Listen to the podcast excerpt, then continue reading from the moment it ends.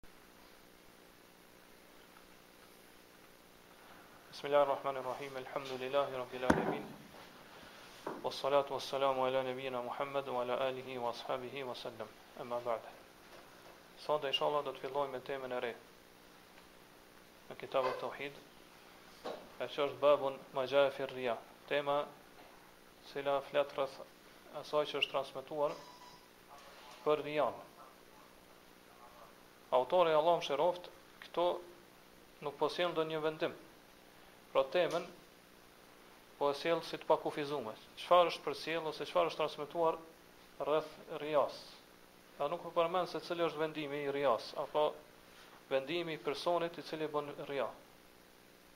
Po disa dijetarë kështu e kanë komentuar Pse autori do thotë e ka lënë temën e lirë, pra pa pru vendim të caktum.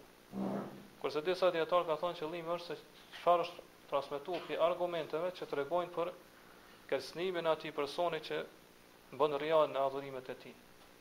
Dhe që ky person ka ba, qysh do ta shohim më poshtë, ka ba shirk të vogël, edhe vepra e tij na është asgjësuar. Pastaj ne qysh kemi thonë edhe më herët, autori Allahu e mëshiroftë këtë libër e ka shkru për me sqaru teuhidin. Po me na bo neve të qartë teuhidin. E prej qartësisë ose qartësimit të teuhidit është që me i njoft edhe llojet e shirkut që e kundërshtojnë teuhidin. Andaj kjo është ajo përshtatshmëri e temës me libër. Po që ta kuptojmë më mirë,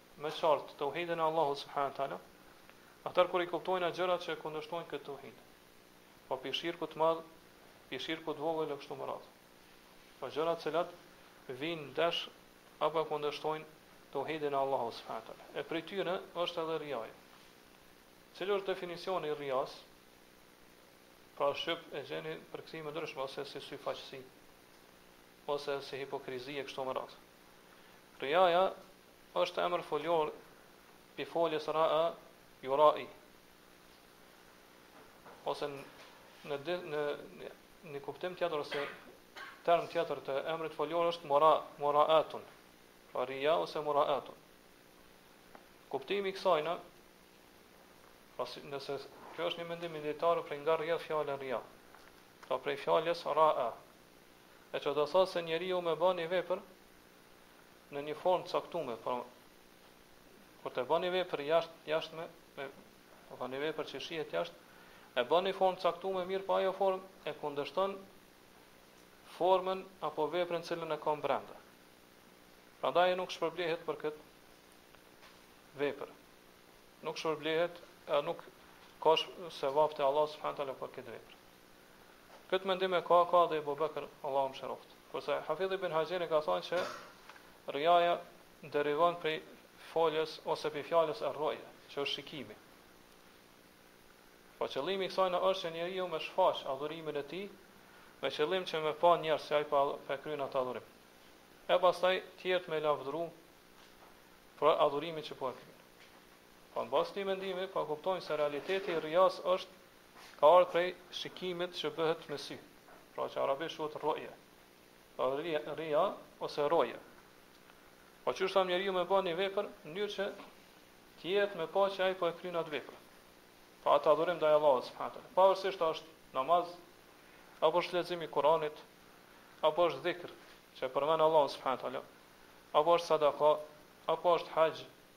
apo xhihad, apo do thot me zbatu një urdhën çfarëdo qoftë ajo, që e ka urdhnu Allah subhanu tala, apo m'u largu pi ndalesave të Allahut subhanu tala, kështu me radhë. Nëse ti njërën prej këtyre veprave e bën për shkak se tjerët me të pa, po jo me kërku shpërblimin që Allah subhanu tala ka përgatit për atë, për atë vepër në ahiret. Mirëpo qëllimi Yt është që me të pa tjerët, që je duke kry atë adhurim. Ose në disa rase njeriu e zbukuron adhurimin e tij. Pra e bën atë në mënyrën më të mirë, që tjerët me pa, e pastaj me lavdëru atë, me thur lavdata për ta, apo dhe, ndoshta ka dhe qëllime tjera, që janë pra qëllime më të fshehta në zemër. Krejt kjo quhet rija. Ngase qëllimi është që, do thotë, shikimi i njerëzve me ra te ai, pra me pa që po e kryn atë adhurim. Këtu te riaja hyn edhe ajo që arabisht quhet sum'a. Pra që njeriu me ba një vepër për me dëgju njerëz që ai po e bën atë vepër. E personi këtil quhet arabisht musemmi. Kurse ai që i bën ria quhet murai.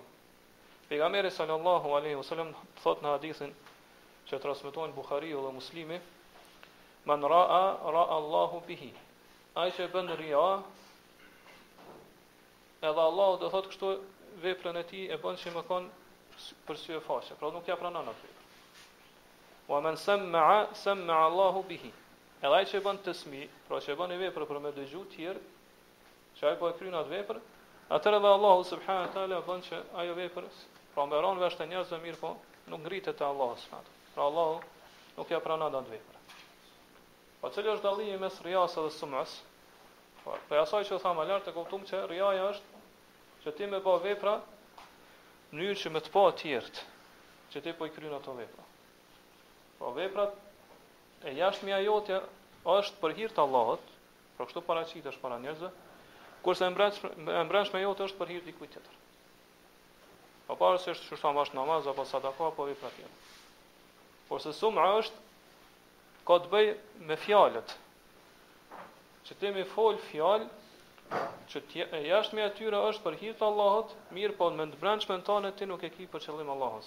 S'e bën për hir të Allahut. Pra sum'a ka të bëj më shumë me vepra.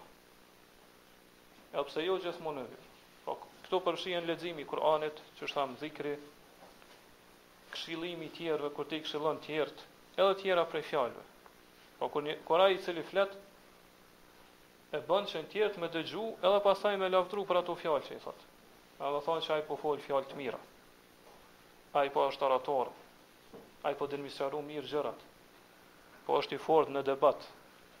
Apo po mban hutbe të mira.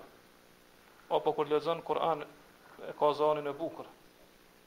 Po kur ai zbukuron zanin e ka për qëllim që tjerët me thonë që me lavdru zanin shumë të mirë, shumë të bukur kur po lexon Kur'an.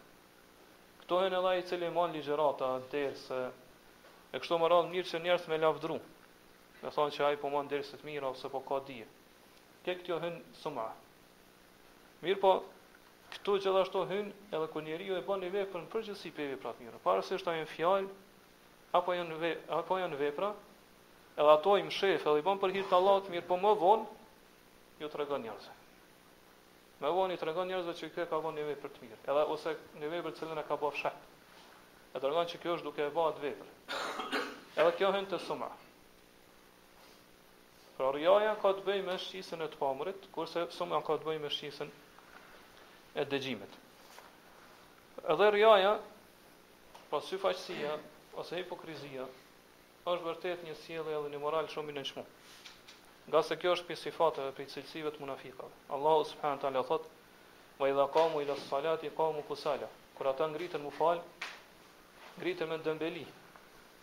me përtaci, jura'une n'nas, vetëm sa për sy të botës, që tjerët me i pa që po falen. Wa la jadhkurune Allahe illa kalila. Thotë Allahun, nuk e përmenin veç se pak. Po kjo është ajeti 142 i surës Nisa. E përderisa do thot Pastrimi edhe dlirja e veprës prej shirkut, rias, sum'as, është qysh kena me marrë më poshtë kusht për pranimin e asaj vepre, për arsye se do thotë riaja dhe shirku e kundërshtojnë teuhidin e, ose plotësueshmërinë e teuhidit, autori po e sjell këtë temë. Për të treguar se për të realizuar teuhidin siç duhet, ti duhet të jesh i pastër, Në zemrën tënde do t'i pastrosh, pra me i dlirë veprat e tua prej të gjitha formave dhe llojeve të shirkut. E ne e dimë që shirku është shirk i madh dhe është shirk ose është shirk i, i, i që bëhet haptazi dhe shirk që bëhet fshehurazi.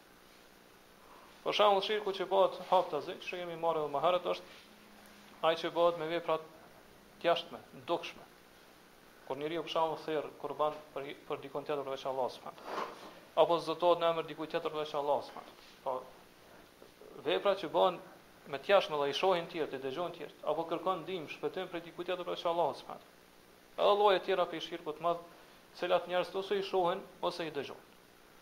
E lloji i dytë i shirkut është shirku i fshehtë. Pra që njerëzit nuk e shohin, As nuk e dëgjojnë, as nuk dinë për të. Ngase ai është i vendosur në zemër. Po lloji i parë i shirkut ka të bëjë me veprat e jashtme, kurse ky lloj i dytë, pra lloji i dytë i shirkut ka të bëjë me nijetet, me qëllimet. Të cilat janë të vendosura në zemrën e njeriu. Këto nuk e din askush tjetër përveç Allahut. Prandaj edhe autori po sjell këtë temë për me na sqaru rrezikshmërinë e rijas edhe syfaqësisë. Ne më herët kena marrë llojet Shumë të shirkut të jashtëm që po. Ibn Kaimi Allahu e mëshiroft në nunijën e tij na thot wa shirku fahdharhu fa shirkun zahir. Dhe el qismu leysa bi qabil ghufran, bi qabil el ghufran. Shirku thot që ti do të vazhdimisht me pas kujdes dhe me u rujt prej tij, është dy lloje. Lloji i parë është shirku i qartë, pra i shirku i dukshëm. Ky lloj thot Allahu subhanahu wa taala nuk e fal.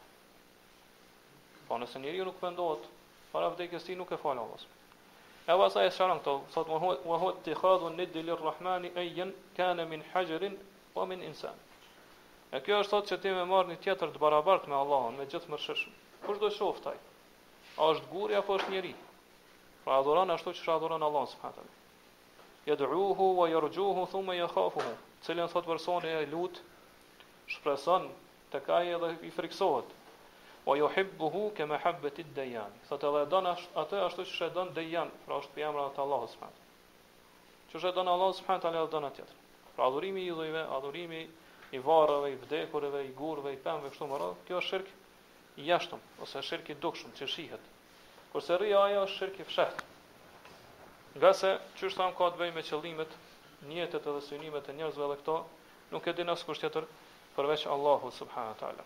Prandaj riaja kur flasim për rian, ajo duhet të studiohet apo të shqyrtohet nga në dy aspekte. Aspekti i parë është kjo që u përmend më herët. Rreth vendimit të rias, çfarë është riaja? Thamë që riaja është shirk i vogël apo sipas disa dietarëve shirk i fshehtë.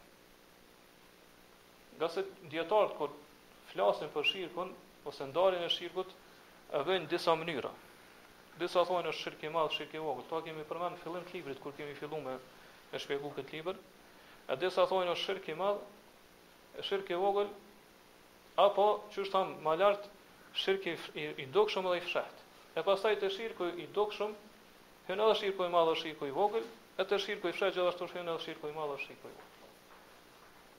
Të gjitha këto ndarje që e bëjnë dijetarët janë të sakta. Thjesht do të thotë dallojnë në terminologji. Po gjitha tregojnë për të njëjtën gjë. Për shembull, Ibn Kaimi kur flet për shirkun e vogël, edhe sjell në një shembull për të thotë mithlu jesiri rria. Siç është për shembull rriaja e paktë që e bën njeriu. Kurse kur të flitet për shirkun e fsheht, dietar thonë është rriaja, ata që e bëjnë ndaj një tjetër. Prej këtyre fjalëve të të Ibn Kaimit ne kuptojmë se Rriaja ose shirku i, i vogël është kur njeriu bën rria pak. Pra një syfaqësi pak. Kjo pra na po tregon se nëse njeriu bën rria shumë, atëherë ka mundësi me arrit deri te shirku i madh ose deri te kufri i madh. Pra nëse kjo ka të bëjë me, me bazën, me esencën e islamit, me, me esencën e fesë.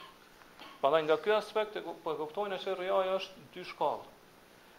Është riaja e cila ka të bëjë me shirk të madh, e kjo është kur njeriu me gjitha veprat e tij bën ria, pra i bën që njerëzit me e pa, po për sytë e botës. Asnjëherë me veprat e tij nuk e ka për qëllim Allahun subhanahu wa taala, fytyrën e Allahut. Mirëpo thjesht do thotë ai shfaq veprat e tij, thjesht në mënyrë që me përfitu prej muslimanëve, kur është duke jetuar në mesin e tyre. Po në shtetin islam e siguron jetën e tij, pasurinë e tij në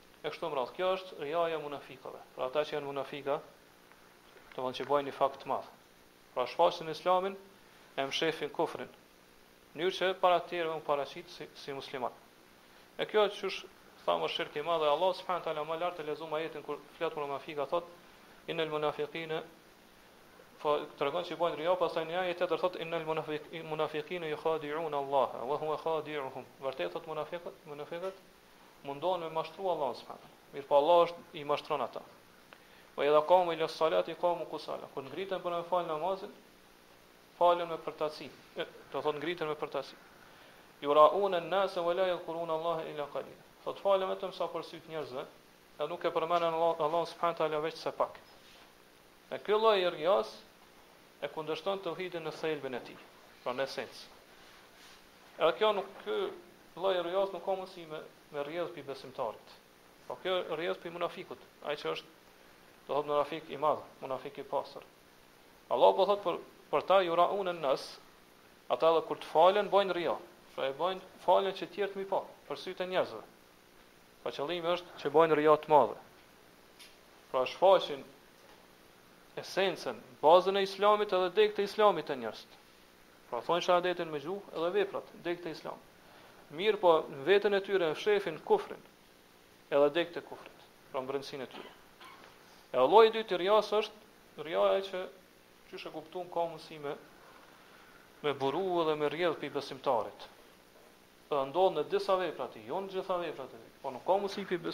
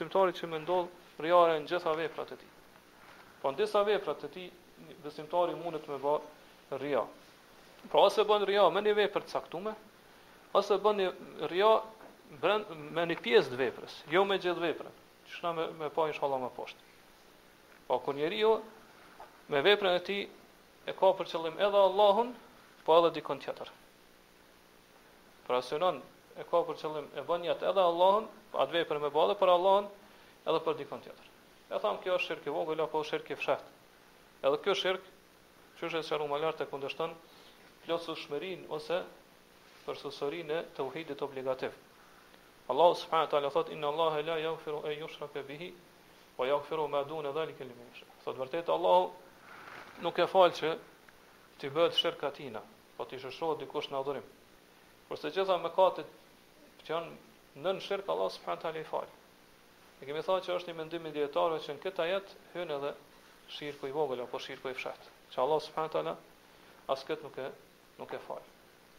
E pastaj mas kësaj na e kuptojmë edhe do thot aspekti i dytë për cilën flasim rreth rias e që është adhurimi që e kryen besimtari dhe cili cili përzihet me ria. A pranohet te Allahu subhanahu wa taala apo jo? Ky ka disa forma. Ky ka disa forma. E para është që njeriu në qysh në origjinë të veprës, pra ajo që e nxit edhe shtyn për me kry atë adhurim, në origjinë është muraat, pra me pa të tjerët. Pra prej fillimit veprës dhe në fund e bën për hir të tjerëve, pra që, për vërtet e bën për tjerët, që tjerët me pa.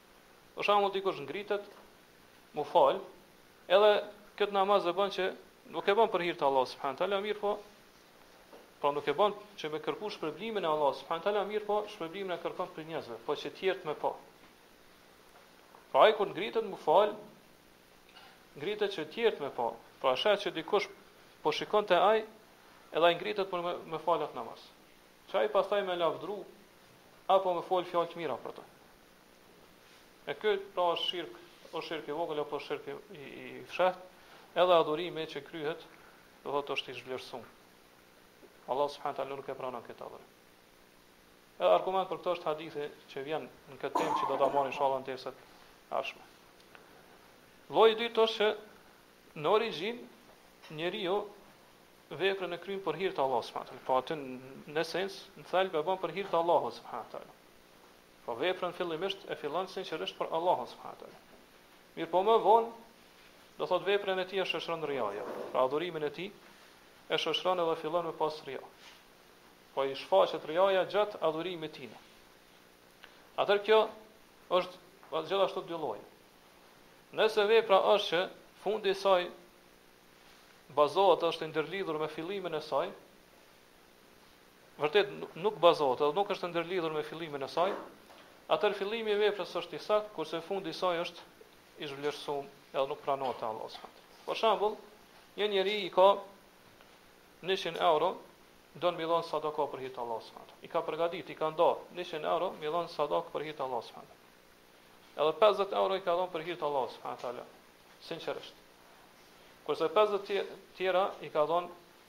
Pra ma vonë i ka dhënë me rija, pra ka, ka bo syfaqësi që me pa tjerët. Pra këto 50 euro e para, thejme që ato janë pranume te Allahu s.a. Pra gjykimi për to që përderisa janë bo për hir të Allahut, atër është vepër e saktë dhe pranohet te Allahu s.a.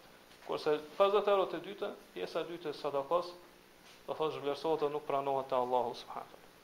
Pra këtu zakonisht ka të bëjmë, është ndërlidhur me veprat që janë me pasurinë e njeriut. Mirëpo gjithashtu hyjnë edhe vepra tjera qysh e përmend Ibn Xheriri, Allahu e mëshiroftë, për shembull, kur njeriu është duke lexu Kur'an. Por edhe këtu fillimi i leximit nuk është i bazuar ose i, i, i lidhur, i kushtëzuar me fillimin e veprës, po fundi i veprës nuk është i kushtëzuar me fillimin e veprës. Njeriu fillon me lexu Kur'an ose me bë dhikr, ose me mësu tjerët,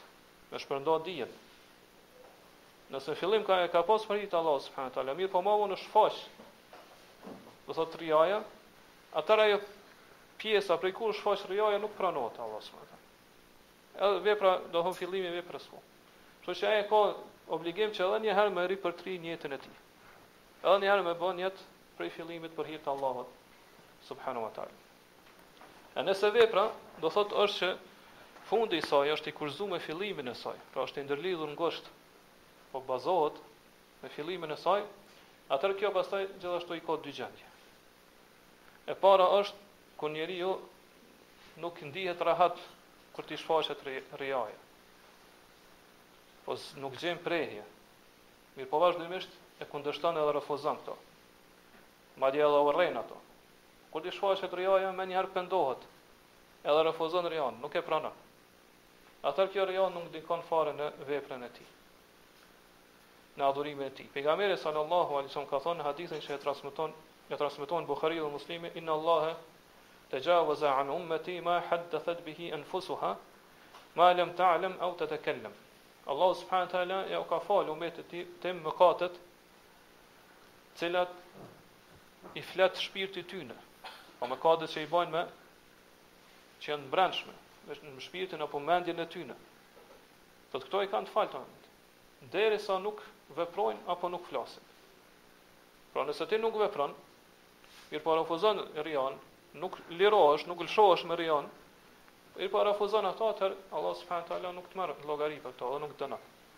Pra ta fal këtë mëkat. Për shembull, një njeri është ngrit me fal dy rekate për hir të Allahut subhanahu teala, sinqerisht. Mirëpo në rekatin e dytë ka filluar me ndjerë rian. Po dikush prej njerëzve është duke e shiku, edhe ka filluar me ndje në do veten e tij që është duke bërë rian. Duke përmirësu, do thot duke zbukuru në namazin e tij. Mirëpo në moment në atë çast ai merr fillon me refuzuar. Po e ndjen si rëndesë në krahërorin e tij dhe e urren ato dhe refuzon. Po pendohet te Allahu subhanahu teala. Atëherë kjo kurrsesi nuk ndikon edhe nuk e dëmton ato. Pra kjo sipas, do thot kët mendim e kanë krejt dijetarët. S'ka dallime apo mospajtime rreth dijetarëve për këtë çështje. Ngase baza e, e, e këtij e kësaj vepre është për hir t'Allahut subhanahu. E riaja është shfaq më vonë. Edhe ky, do thotë, po e refuzon ato, edhe po e kthen prapë sinqeri, sinqeritetin. Po prapë, po, po, po e bën veprën për hir të Allahut subhanahu wa taala. Pra prapë, prapë po kthehet në ihlas, në sinqeritet. Atëherë kjo, sipas pajtush, do thotë njëzëshmërisë së gjithë dijetarëve, nuk e dëmton asgjë veprën. Gjendja e dytë, e që është, do thotë, rreziku më i madh për umetin e pejgamberit sallallahu alaihi wasallam është që njeriu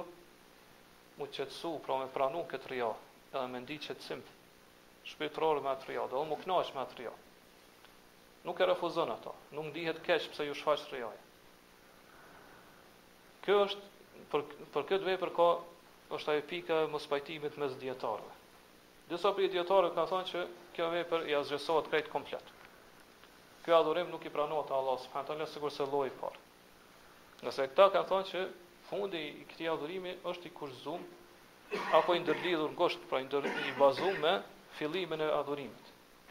Prandaj nuk ka mundësi që me pas ndarje mes tyre. Pra siç është thamë se njeriu ngrihet dhe falet për hir të Allahut subhanahu teala dy rekate, mirëpo në rekatin e dytë i shfaqet riaja, ngase e sheh e vren që një njeri po shikon Po po e sheh ato duke u falë edhe çka ky fillon për shembull e zgjat rukun. E bën rukun më të gjatë. Apo do thot bën tesbih më shumë. Apo e zgjat leximin e Kuranit, pra qëndron n'kamë më shumë. Pra fillon tërhiqet do thot zemra e tij anon ka riaja dhe vazhdon deri në fund të namazit. Atëherë sipas këtij ty, mendimi dijetarëve ky namaz i asgjësohet. I zhvlerësohet dhe nuk i pranohet te Allahu subhanahu teala. Ngase filli, fundi i, i këtij namazi është i kushtëzuar apo i ndërlidhur me fillimin e tij, prandaj nuk ma, nuk ka mundësi që ato të ndahen. Nëse zhvlerësohet ose asgjësohet fundi i tij, asgjësohet edhe fillimi i tij. E ka prej dijetarëve që thonë se njeriu shpërblehet në këtë rast në bazë të nijetit që ka pas.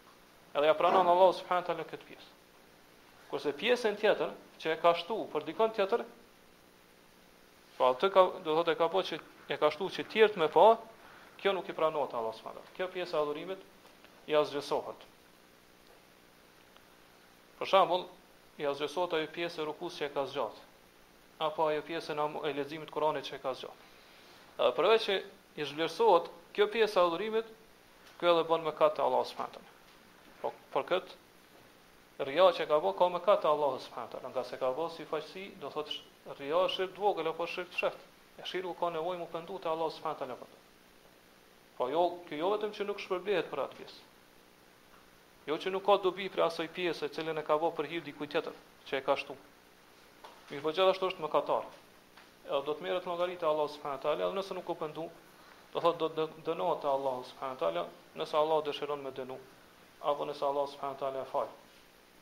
Edhe dijetarët thonë që do thotë zakonisht kjo gjendje ka të bëjë me adhurimet e trupit, jo me adhurimet e jo me adhurimet e që kanë të bëjnë me pasurinë e njerit. Edhe Imam Ahmedi, gjithashtu Ibn Xheriri e përkrahin këtë mendim. Po që ajo që asgjësohet është vetëm pjesa që njeriu e ka shtu për hir të njerëzve, pra që e ka bë për të tjerët me e pa. Edhe kështu është transmetuar edhe prej Hasan el Basriut edhe të tjerëve prej selefëve, e Allahu e din më së miri. E kemi edhe gjendjen e tretë, kur riaja shfaqet pas përfundimit të adhurimit. Pra njeriu ka përfunduar, ka përmbyllur adhurimin e tij, e pastaj shfaqet riaja. Kjo nuk ndikon fare, do thotë në adhurimin e tij. Përveç një rast, një rast saktun kur njeriu siç e thamë më herët, e zbulon veprën e tij që e ka bën fshehtë. Apo kur njeriu për shembull bën padrejtësi me, me veprën e tij. Qysh kështu? Për shembull ka dhënë sadaka edhe ja përmend tjetrit. Po i lavdërohet tjetrit që unë të kom ndihmu ty. Apo e fyn, ofendon tjetrin. Kur i jep sadaka. Kjo arabisht quhet udvan, pra armiqësia ose padrejtësia që ja bën tjetrit. Edhe mëkati në këtë rast është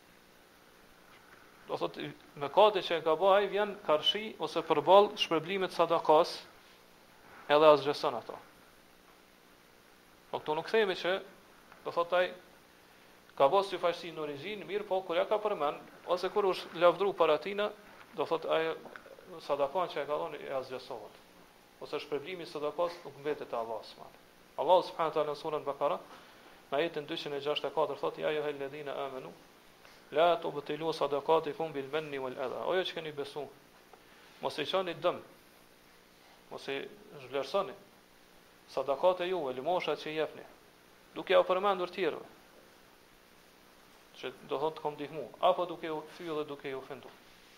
Gjithashtu prej, nuk është prej rias nëse njeriu gëzohet Kur njerëzit e kuptojnë që ky e ka bërë një vepër, po është duke e kryer një, një adhurim apo një vepër. Kjo nuk është prej rias. Ngase çështë tonë kjo ka ndodhur, pasi që ky ka përfundu, apo ka përmbyll adhurimin e tij. Për shembull, dikush e bën një vepër për hir t'Allahut subhanahu taala. Pastaj Allahu subhanahu taala hedh në zemrat e njerëzve pranimin e këtij njeriu. Pra njerëz fillojnë me pranu, për shkak se ky atë vepër e ka bërë për hir t'Allahut. Pra ky është kushti.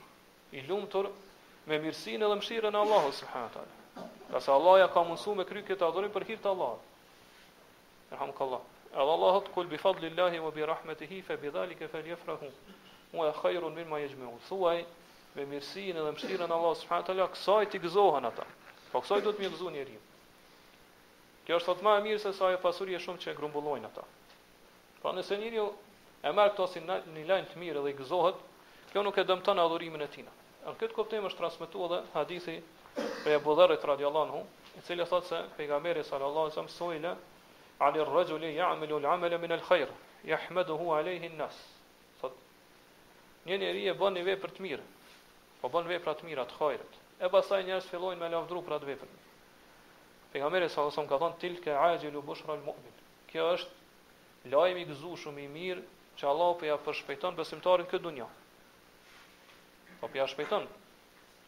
Lo, so është myzhde për besimtarin sihariq, që Allahu po ja shpejton këtu n'këtë dunja, para se me shku në ahiret, po me, me gjetë shpërblimin te Allahu osme. E këtë hadith e transmeton Muslimi. Po në bazë kësaj që e thamë më lartë, na tregon Kur'ani edhe suneti i pejgamerit, sa dhe që rijaja asgjëson veprën, edhe gjithashtu ka kërcnim të madh për atë person i cili ka rija ose bën rija në adhurimin e tina.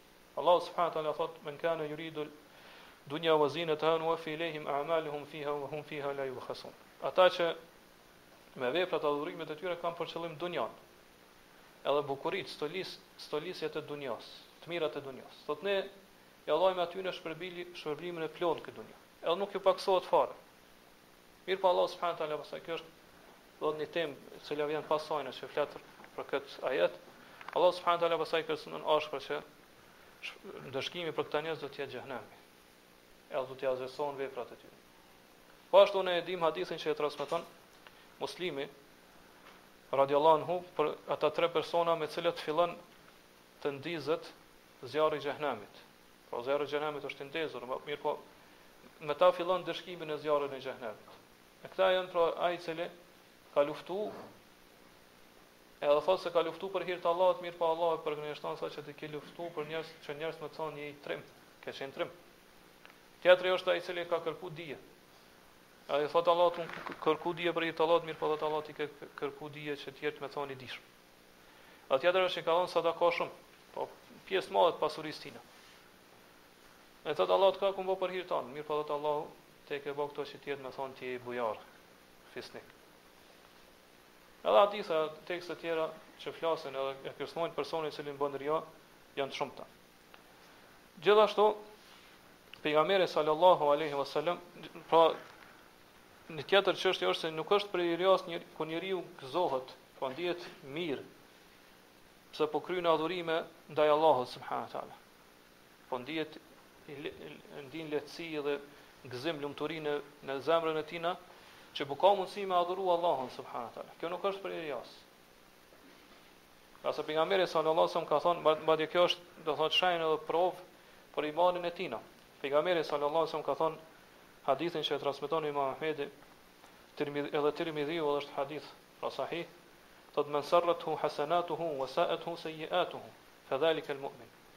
Ata që e gëzojnë veprat e tij të mira.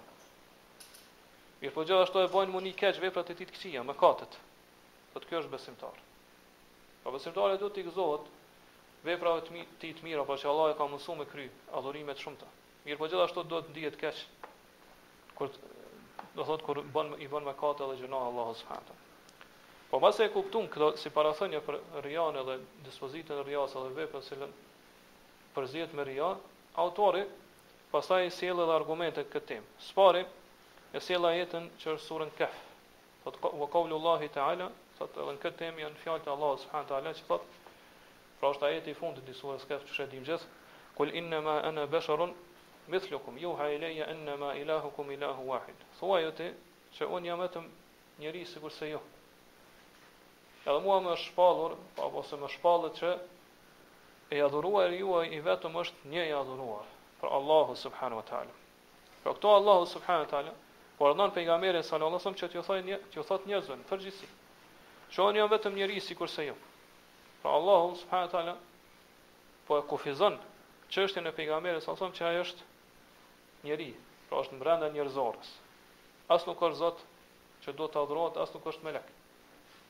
E pastaj po e konfirmon edhe po e vërteton edhe më shumë këtë njerëzore po thot mithlukum, njeri sikurse ju. Po po e vërteton edhe më shumë njerëzoren e pejgamberit sallallahu alaihi wasallam, që ai është njeri sikurse gjithë njerëz të tjerë. Edhe gjithë të tërgu, dërguarit e Allah subhanahu taala kanë qenë kështu, pra kanë qenë prej njerëzve. Nuk kanë qenë do thot një natyre tjetër.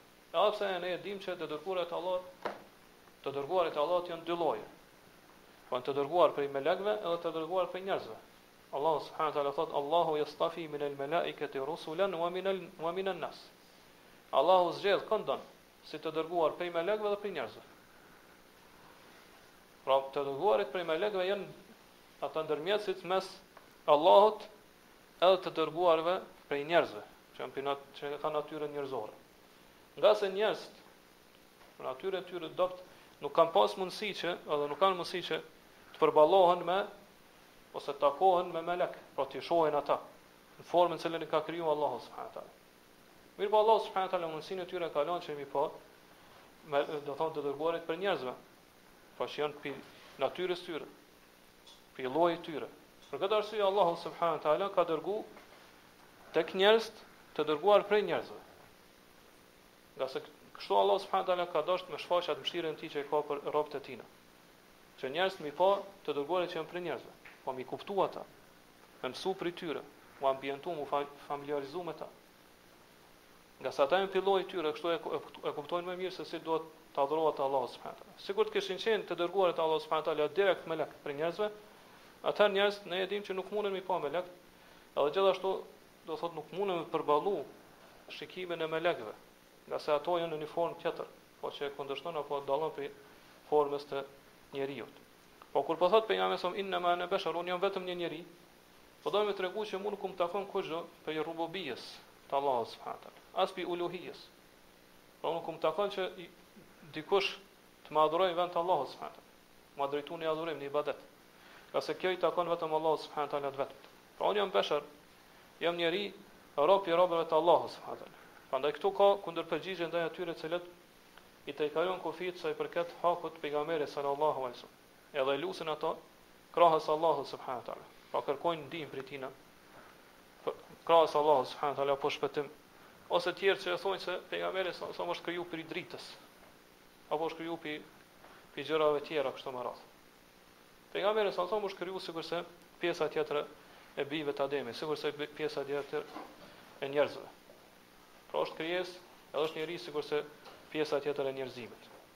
Prandaj këtu e shohim atë teprim që e bajnë njerëzit edhe kjo është, do thonë, prej formave më të mëdha dhe më më të këqija të kufrit dhe teprimit në pejgamberin sallallahu alaihi wasallam.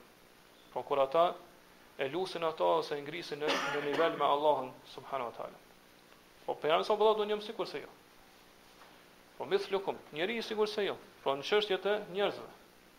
Po, sikurse njerëz tjerë që i kap uria, edhe unë uritem. Ose smuhem, ose lodhem gjatë udhëtimit. Po, jam njeri sikurse ju. Gjitha ato simptomat edhe gjëra tjera që i godasin njerëz, godasin edhe mua. Për shembull, pejgamberi sallallahu alajhi wasallam e ka kap do thot shqetësimi brenga pse të tjerë nuk është pikëllu pse të tjerë nuk po nuk po besojnë Allahun subhanahu teala kështu me radhë.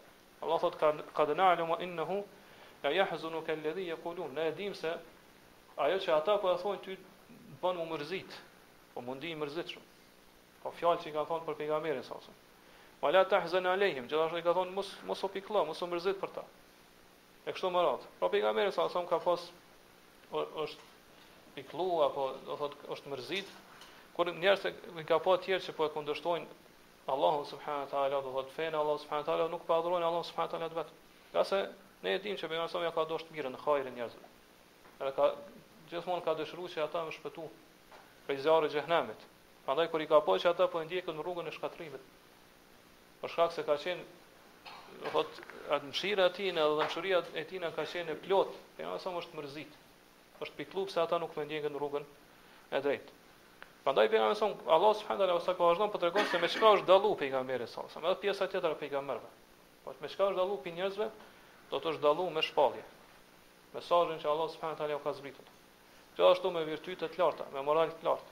Edhe që ubudien për të qenë të robit Allah subhanahu wa taala kanë plotësuar në formën më të mirë, më të plotë.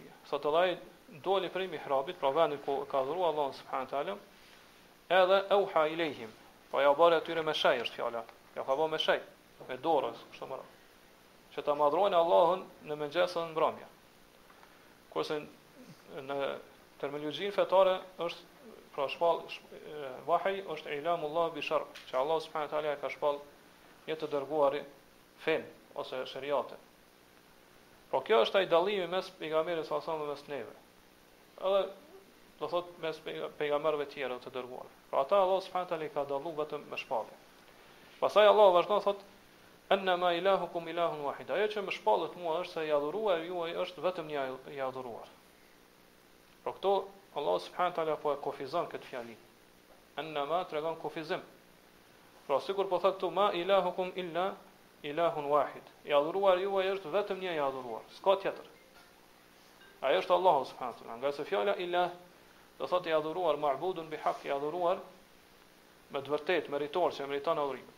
E ky është Allahu subhanahu wa taala. Prandaj përderisa Allahu subhanahu wa taala është i adhuruar i vetëm, pra që meriton adhurimin, atëherë nuk takon ty ose nuk ju takon juve që me i shoqëru diçka këtij të, të adhuruari meritor, me i shoqëru dikon tjetër në adhurimin tënd. Ngase adhurimi do të jetë i pastër,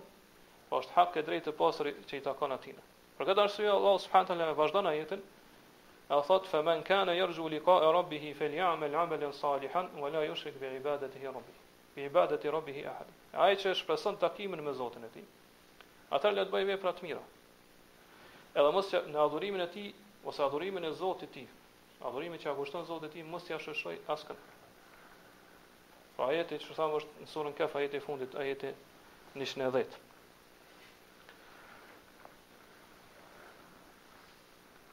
Po përderisa Allah subhanahu wa taala është i adhuruari i vetëm meritor, atëherë po e kuptojmë se çdo çdo gjë tjetër që adhurohet përveç Allahut subhanahu wa taala është e adhuruar me të kotën.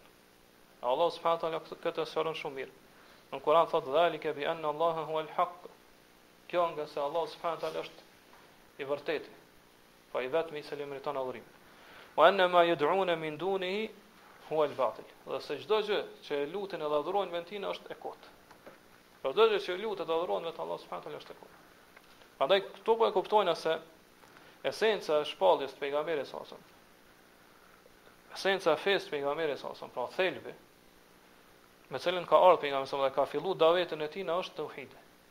Po i ka thirrë njerëz në tauhid, e i ka paralajmëruar prej shirkut. Madje jo vetëm pejgamberi sa, mirëpo gjithë të dërguarit tjerë.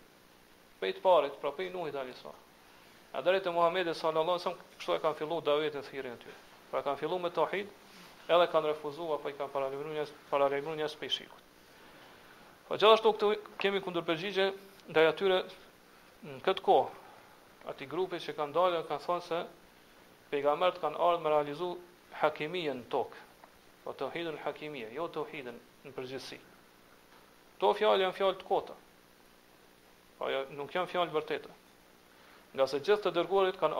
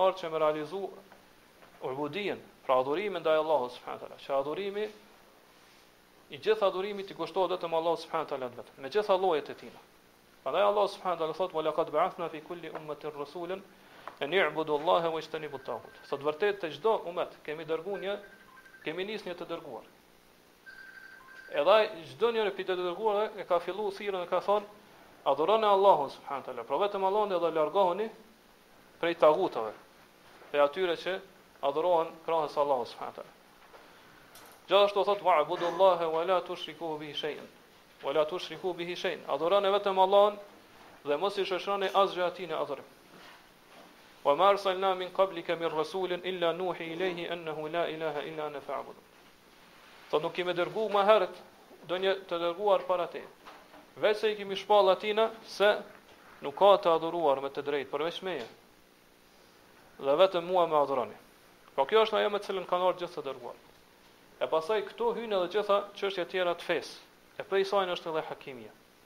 Mirëpo që hakimia të bëhet pra bazë mbi cilën ndërtohet tauhidi apo feja e Allahut subhanahu wa taala, kjo është një gjë e kotë. Ngase kjo prej kësaj kuptohet se ne duhet ta neglizhojmë Apo ta braktisim fare tauhidin e Allahut subhanahu wa taala, jo mos t'i kushtojmë që rëndësi fare shirkut, po mos e kthejmë fare kokën ka shirku dhe shirku dhe llojet të tij. Gjithashtu kjo na jep një kuptim tjetër shumë të keq që pejgamberët e Allahut subhanahu wa taala pas kanë ardhur që me lyp me kërku pushtetin. Po me kërku me konë udhëheqësa edhe prijsa po. E kjo nuk është e vërtetë. Madje atyre ju ka ofru pushteti dhe udhëheqësi udhëheqja e popullit tyre mirëpo nuk e kanë pranuar.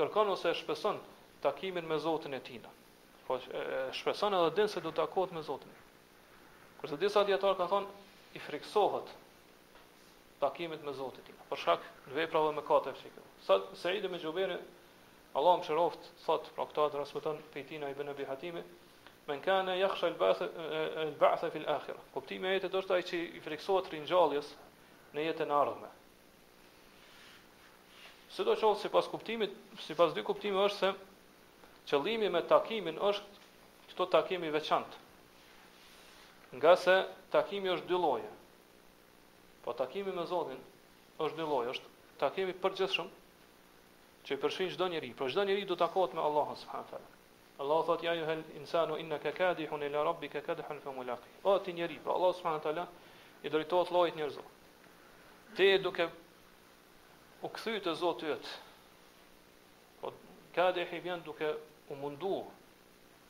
Po dikush i cili është duke është duke rrugtu dhe duke përjetu mundime dhe lodhje në udhëtimin e tij. Kjo i vjen kadih. Po po kthehesh te Zoti yt me lodhje e mundime, edhe do ta takosh atë. Po gjithsesi ki me e taku Zotin. Allahu subhanahu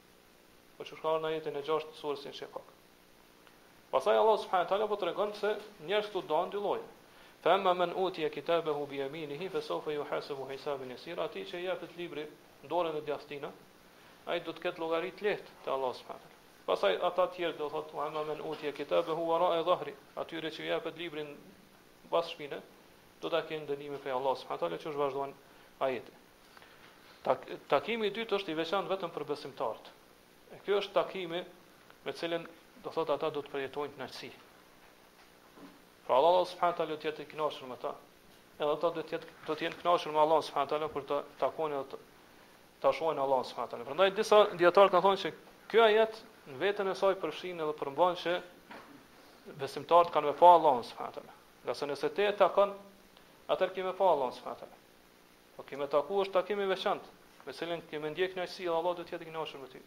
Atëherë kjo është do thotë takim i veçantë edhe që, ku do ta shohësh Allahun subhanahu teala. Kët mendim e ka Sheikhul Islam ibn Taymija, i cili thotë se qëllimi me këtë ajet është se kur besimtarët do ta shohin Allahun subhanahu teala në ditën e Kiametit, do do të kënaqen me shikimin e tij. Edhe kjo thotë është kënaqësia më e madhe që jepet aty.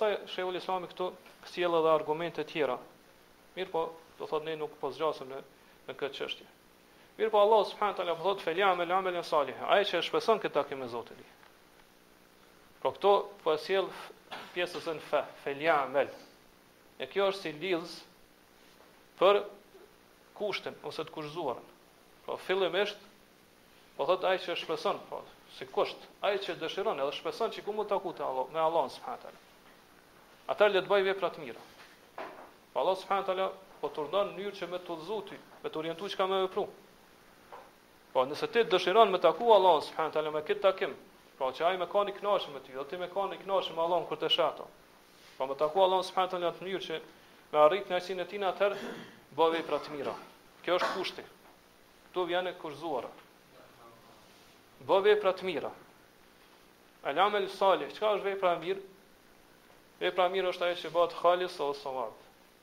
Pra që është bëhet sinqerisht edhe është e saktë, korrekte. Edhe kjo është ajo pjesë e ajetit me të cilën dëshmohet për temën. Çfarë do të thotë vepra që është halis, pra sinqert, e pastër për Allahun subhanahu teala, është vepër me të cilën ki për qëllim vetëm fytyrën e Allahut subhanahu teala. Pra me pa Allahun subhanahu teala kur ta takosh. Argument për këtë është hadithi që pejgamberi sa son ka thonë innamal a'malu binniyat. Vërtet veprat janë vetëm sipas nijeteve. Pra nëse ki për qëllim me pa Allahun subhanahu teala, me duke qenë i kënaqur me të, me shikimin e Allahut subhanahu teala, atëherë kjo vepër ka me të bë dobi ty. Nëse ki nëse ki këtë sinqeritet në zemra, në zemrën tënde. Pra që veprën tënde ta pastrosh, ta bësh të sinqertë, të pastër. Prej rias, prej syfaqësisë, prej sum'as që përmenu më lart, edhe prej gjitha llojeve të shirkut të madh dhe të vogël. Po gjithashtu, kusht tjetër i veprës, për me kon vepra e pranuar është edhe me kon savab, pra me kon vepra e mirë. Pra me kon vepër e saktë. E kjo është nëse vepra bëhet sipas sheriatit të Allahut subhanahu teala. Pra sipas fesë e rrugës në cilën ka qenë Muhamedi sallallahu alaihi wasallam. Argument për këtë janë fjalët e pejgamberit sallallahu alaihi wasallam i cili ka thënë men amile amelen leysa alaihi amruna fa huwa rad. Ai që e bën një vepër që nuk ka bazë në fenë tonë, ajo refuzohet. Pra vepra për me kon e pa e sakt edhe pranuar, duhet të jetë e pastër prej bidate prej gjërave të shpikura, risive, edhe prej bestytnive. Për këtë arsye dijetarët na thonë se këto dy hadithe janë peshore të veprave. Pra hadithi i parë është peshore e veprave të mbrendshme, që veprat janë vetëm sipas nijeteve, kurse hadithi i dytë është peshore peshore e veprave të jashtme.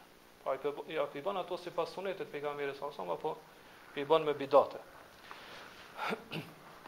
Kështu që nëse mungon kushti i parë, vepra asgjësohet. Ngase në këtë mënyrë ti hin te shirku. Pra nuk e bën për hir të Allahut, hin te shirku. Ke bërë shirk të vogël apo shirk të fshehtë. Nëse mungon kushti i dytë, atëherë vepra bëhet llogaritet prej bidateve. Pra prej prej vepra prej gjërave të shpikura që janë risi në fenë e Allahut subhanahu taala. Prej gjërave që kundërshtojnë sunetin e pejgamberit sallallahu alajhi wasallam. Edhe në këtë mënyrë ajo refuzohet edhe do thotë asgjësohet.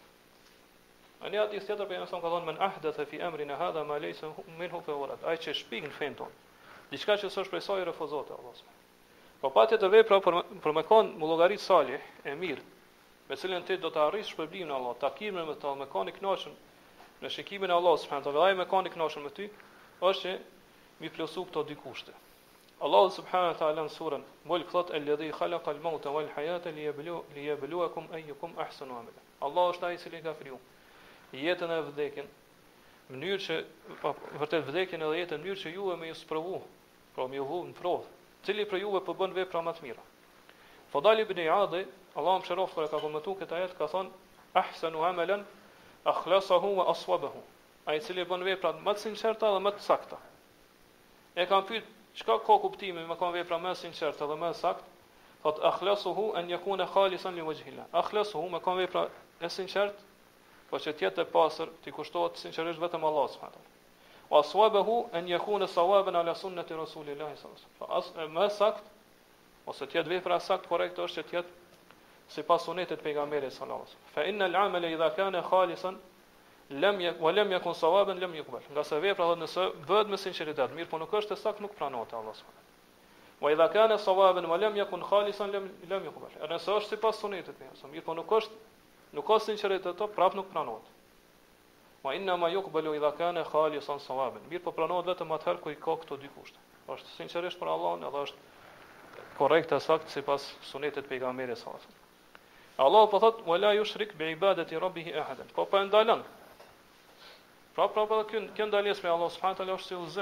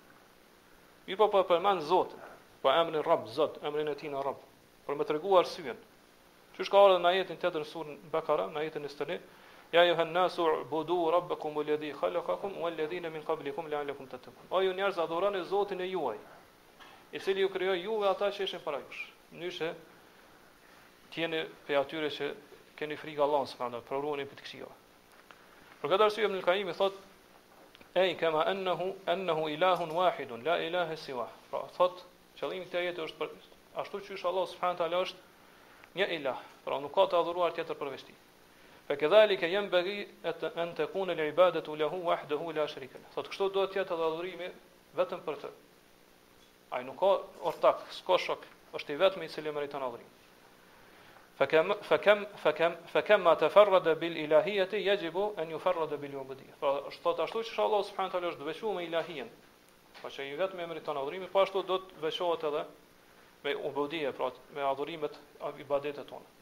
Fel amelu salihu hu el khalisu min e rria. Prandaj thot vepra e mirë është ajo që prapë i përmend këto dy kushte. Ajo që është e pastër, e dlirë prej rijas, prej syfaqësisë, el muqayyidu bis sunnah. Mirëpo që është gjithashtu edhe e kushtëzume me sunetin e pejgamberit. Po është e lidhur me sunetin e pejgamberit sa.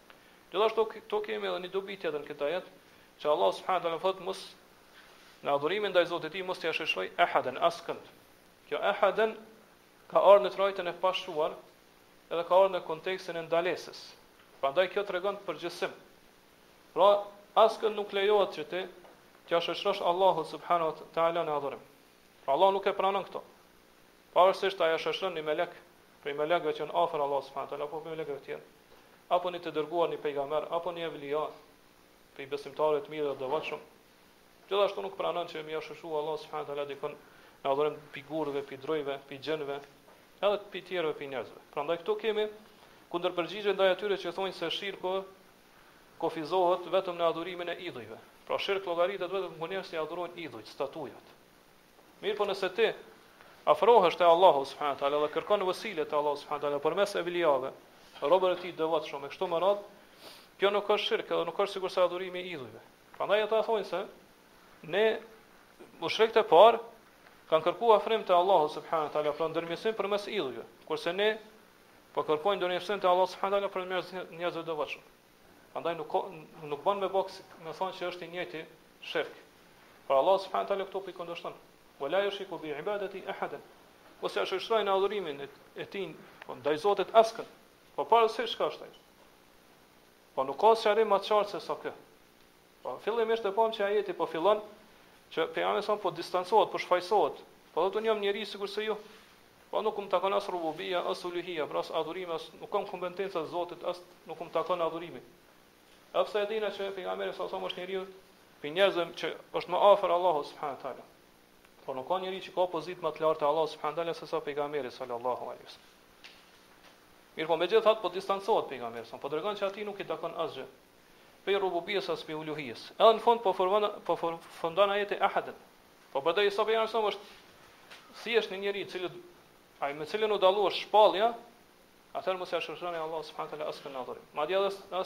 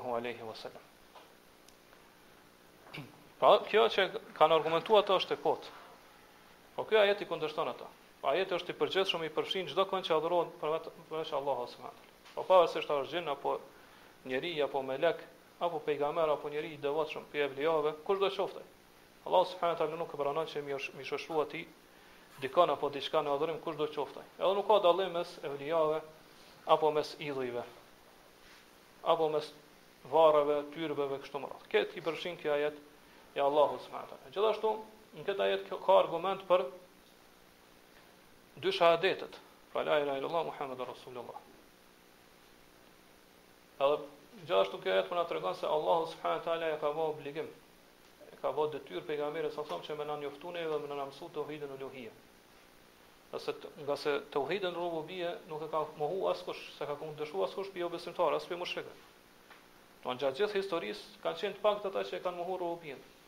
Pra problemi te mushrikët e gjitha kohrave, gjitha gjeneratave ka qenë tauhidi uluhije. Po kjo është ai shkaku pse ata i kanë përgënjeshtru apo s'i kanë besu pejgamberët e Allahut subhanahu teala. Madje edhe i kanë luftu pejgamberët e Allahut subhanahu teala. Po ashtu ajeti po na tregon se edhe rijaja quhet shirk, edhe hyn te llojet e shirkut. Ajeti gjithashtu po na tregon se Prej besimit në Allahun subhanahu teala në ditën e fundit është që ti mos me shoqëru ti askënd në adhurim. Po kjo është prej besimit në Allahun edhe në ditën e fundit. Prandaj në fund do të më përmend se këtë ajet e kupton edhe përfiton prej tina.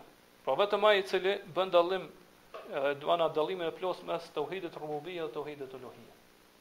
Ai që ai i cili nuk din me ba dallim mes tauhidit rububia dhe uluhia ai nuk e kupton këtë ajet. As s'përfiton prej tij. Prandaj kur e kuptojna mirë këtë ajet, atëherë e shohim se në çka kanë kalu shumica e njerëzve. Po shumica e njerëzve ose janë tahuta, të cilët i kundërvihen Allahut subhanahu teala në rububia dhe uluhia e tij.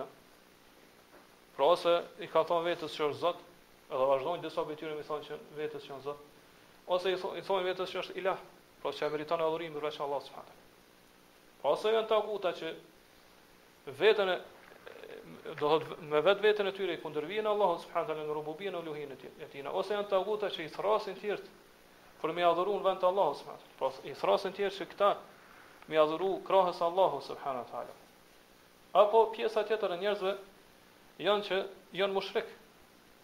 Po që adhurojnë Allahun subhanahu teala, po ja, ja drejtojnë lloj të adhurimit diku tjetër përveç Allahut subhanahu teala.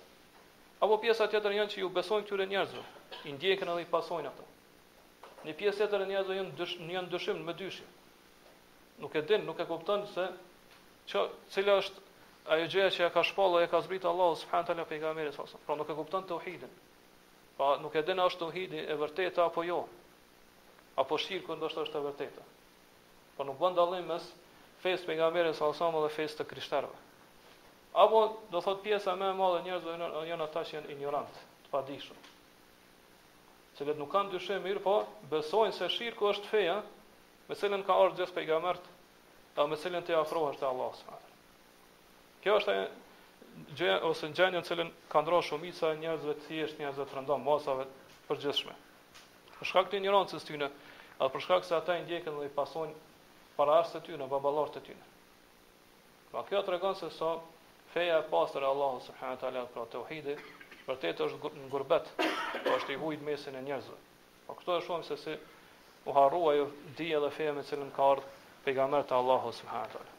Pra dëshmi për këtë për këtë ajet për këtë temë është se rriaja është prej shirkut